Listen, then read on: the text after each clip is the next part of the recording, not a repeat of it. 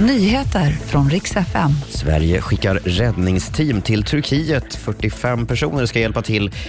Och så en glad nyhet från Disney till alla som älskar filmen Frost.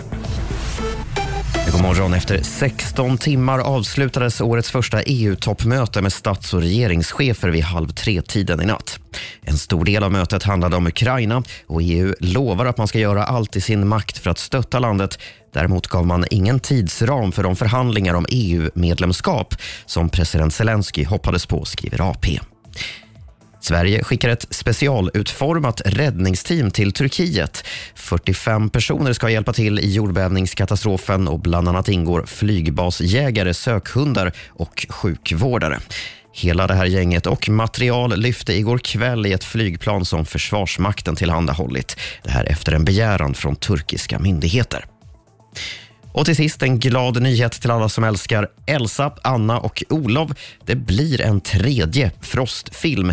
Tio år efter premiären så meddelade Disney igår att de jobbar på ännu en uppföljare. Däremot är det inte klart ännu när det blir premiär. Samtidigt bekräftar man att det kommer uppföljare även till Toy Story, en femte, och Zootropolis. Det var de senaste nyheterna och jag heter Robin Kalmegård.